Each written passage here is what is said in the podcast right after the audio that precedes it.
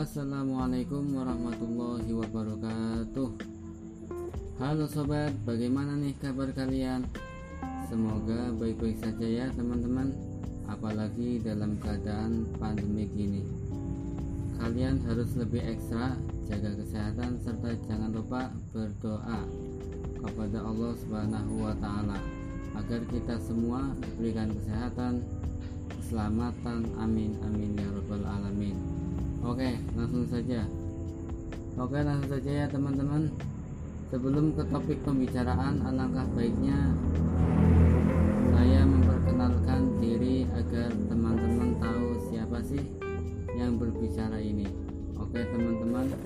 Nama saya Akmal Hakim lahir di Brebes tanggal 7 Desember 1999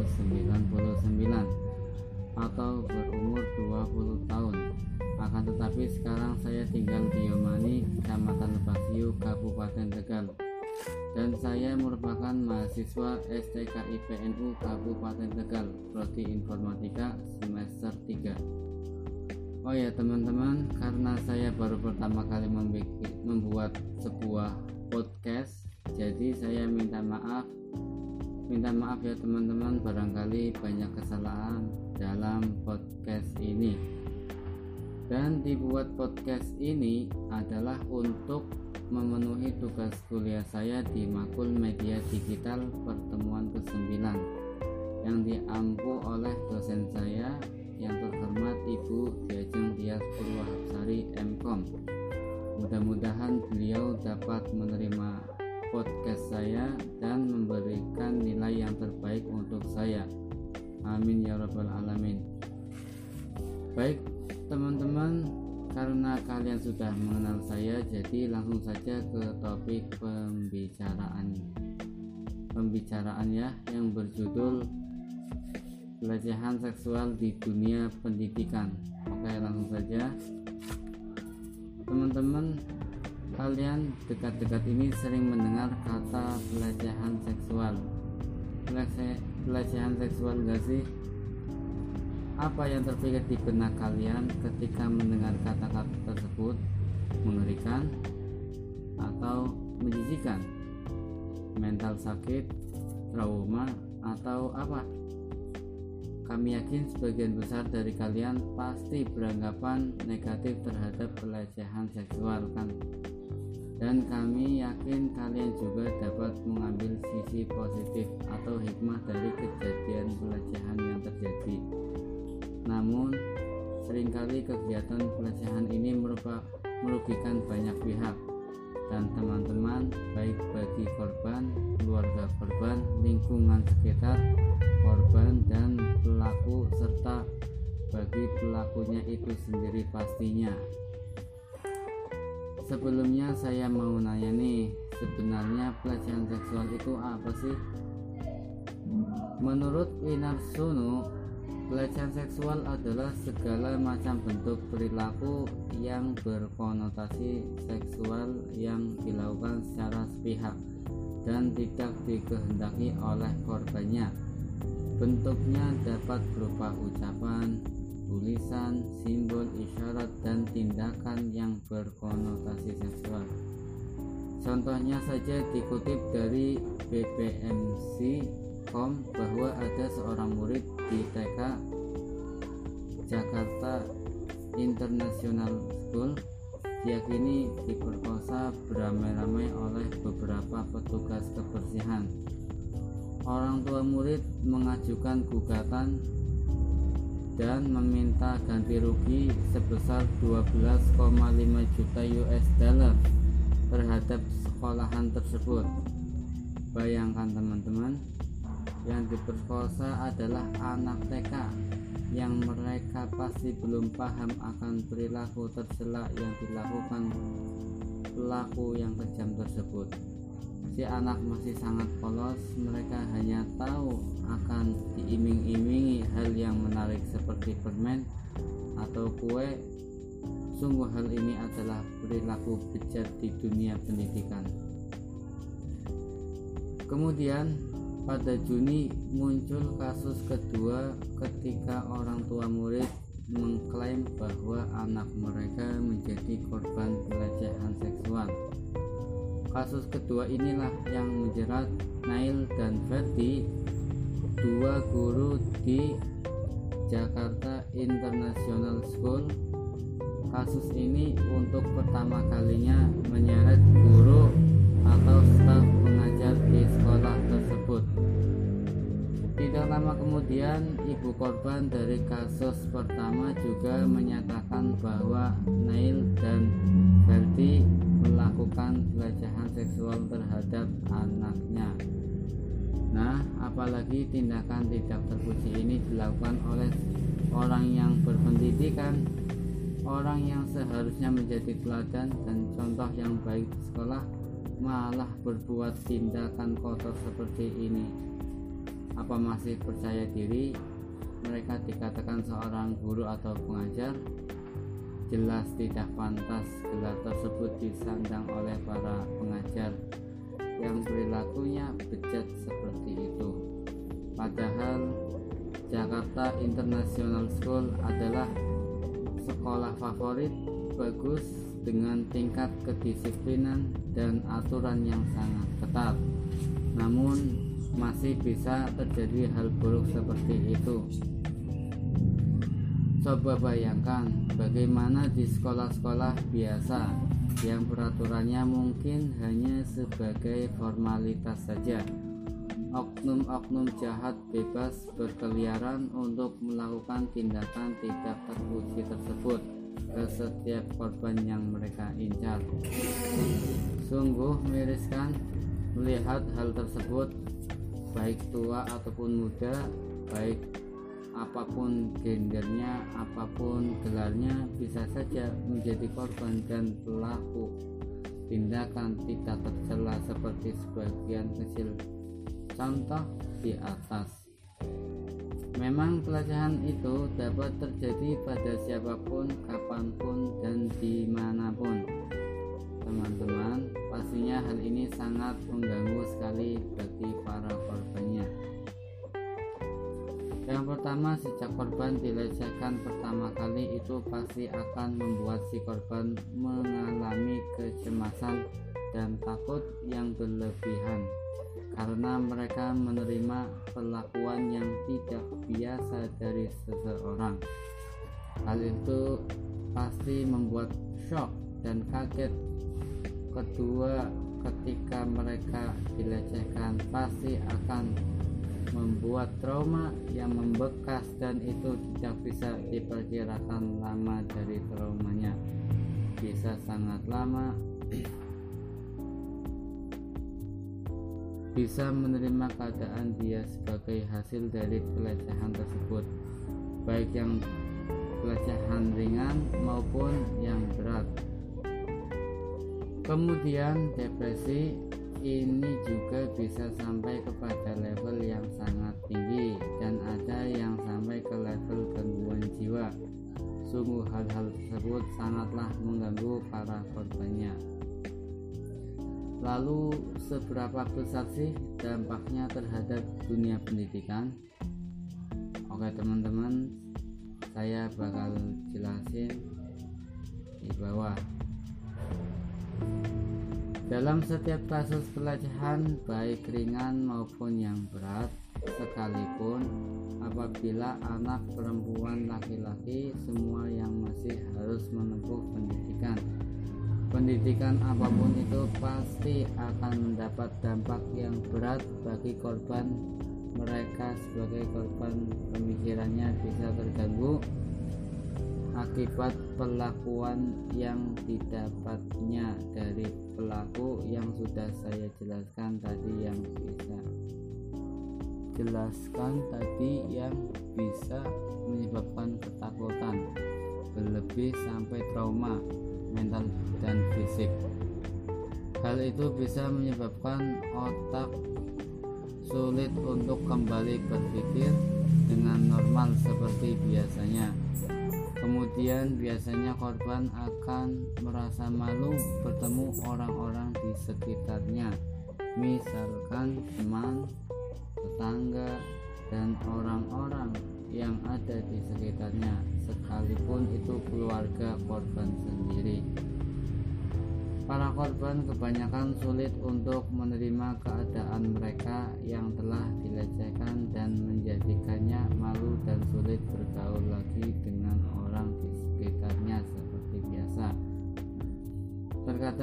korban juga takut diejek oleh teman-teman maupun lingkungan sekitar. Mereka karena apa yang sudah terjadi pada dirinya walaupun dia adalah korbannya. Dalam satu kasus, orang-orang ada saja yang beranggapan buruk pada korban padahal ia adalah korban dari kasus pelecehan tersebut. Seringkan kalian mendengar hal tersebut di kasus-kasus pelecehan terutama? Biasanya disalahkan pada perempuan yang mana orang-orang bilang salah si Allah mau-mau aja diapa-apain. Mau-mau aja dilecehkan. Salah siapa pakai bajunya ketat begitu makanya harus bisa jaga diri baik-baik biar nggak diapa-apain. Anaknya nggak diurusin sih jadi dia korban pelecehan. Makanya jangan mau di sekolah. Makanya jangan mau sekolah di tempat yang peraturannya enggak ketat.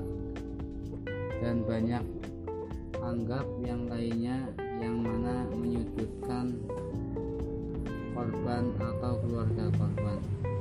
Kalian pasti kesal bukan? Seringkali kita yang malah dijadikan bahan olokan Padahal kita adalah korban. Stigma orang-orang tentang pelecehan ini masih kurang terbuka banyak yang masih belum paham bagaimana pelecehan itu terjadi sering kali orang-orang tersebut beranggapan hanya berdasar pada katanya dan katanya atau hanya melihat judul berita yang ditayangkan di media tanpa membaca lebih lanjut. Sebenarnya apa yang terjadi sangat disayangkan bukan lalu bagaimana agar para orang tua kita tahu jika anaknya menjadi korban pelecehan seksual? Karena sering kali anak-anak tidak mau bilang ke orang tuanya kalau dia telah dilecehkan karena mereka takut akan dimarahi dan mirisnya lagi anak-anak itu tidak tahu kalau apa yang telah terjadi padanya itu adalah pelecehan karena mereka belum mengerti atau mereka kurang edukasi tentang masalah ini. Selain itu, anak juga dapat disuap atau diancam oleh pelaku. Bahkan mungkin pelaku memberitahu si anak bahwa orang-orang tak akan mempercayai apa yang dikatakannya. Hal tersebut membuat anak khawatir akan berada dalam masalah sehingga memilih mendamnya. Akan tetapi terdapat tanda-tanda yang bisa orang tua perhatikan bila anak menjadi korban kekerasan seksual antara lain satu berbicara tentang pelecehan seksual yang kedua menunjukkan pengetahuan atau perilaku seksual yang melampaui usianya aneh atau tak biasa. Yang ketiga menjauh dari orang tertentu. Yang keempat melarikan diri dari rumah. Yang kelima sulit berjalan atau duduk karena nyeri di area genital atau anal keenam mengalami mimpi buruk. Yang ketujuh sulit berkonsentrasi dan belajar. Yang kedelapan nilai di sekolah menurun. Yang kesembilan perubahan suasana hati dan nafsu makan. Yang ke-10 hamil atau memiliki penyakit menular seksual. Apabila Anda mencurigai bahwa anak-anak Anda mungkin saja menjadi korban pelecehan seksual, kami punya beberapa cara sedikit untuk melepaskan trauma-trauma yang terjadi pada anak atau biasa anak atau biasa disebut trauma healing trauma healing antara lain satu menurut psikiatri anak Dr. Jin Wiguna SPA Meski tidak langsung terlihat dampaknya, tapi anak membutuhkan pendampingan dan harus terus dipantau kondisinya. Yang kedua, dokter atau psikiater akan melakukan asesmen. Apakah ada masalah emosi atau perilaku pasca peristiwa tersebut kalau belum ada, tetap dipantau karena mereka beresiko tinggi mengalami gangguan perilaku. Yang ketiga, anak-anak adalah korban yang harus mendapat perhatian dan dukungan dari orang di sekitarnya agar lupa fisik serta trauma psikisnya bisa disembuhkan. Yang keempat, melakukan terapi untuk anak yang menjadi korban dan ada bermacam-macam untuk anak yang masih kecil biasanya. Dilakukan terapi bermain seperti yang A anak diajak menggambar untuk membantu anak mengekspresikan perasaannya. Yang B dilakukan terapi kognitif dan berbagai terapi lain sesuai kondisi anak tujuan awalnya adalah menjalin emosi dengan anak sehingga anak tetap bisa mengekspresikan perasaannya meski tidak selalu lewat kata-kata. Yang C, orang tua bisa mencari bantuan untuk terapi anak ke psikolog atau psikiater untuk memulihkan luka batin anak seperti klinik pemulihan stres pasca trauma poliklinik jiwa anak dan remaja atau pusat krisis terpadu. Terus, apakah pemerintah khususnya Kementerian Pendidikan tidak bertindak?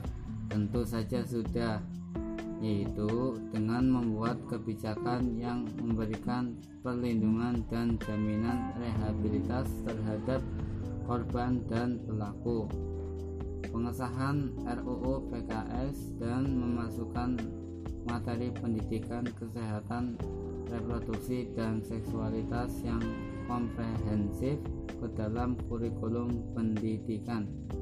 Namun hal ini bukan lagi kewenangan pusat, namun ada di tangan pemerintah daerah yang mana masih banyak yang belum peduli akan hal ini.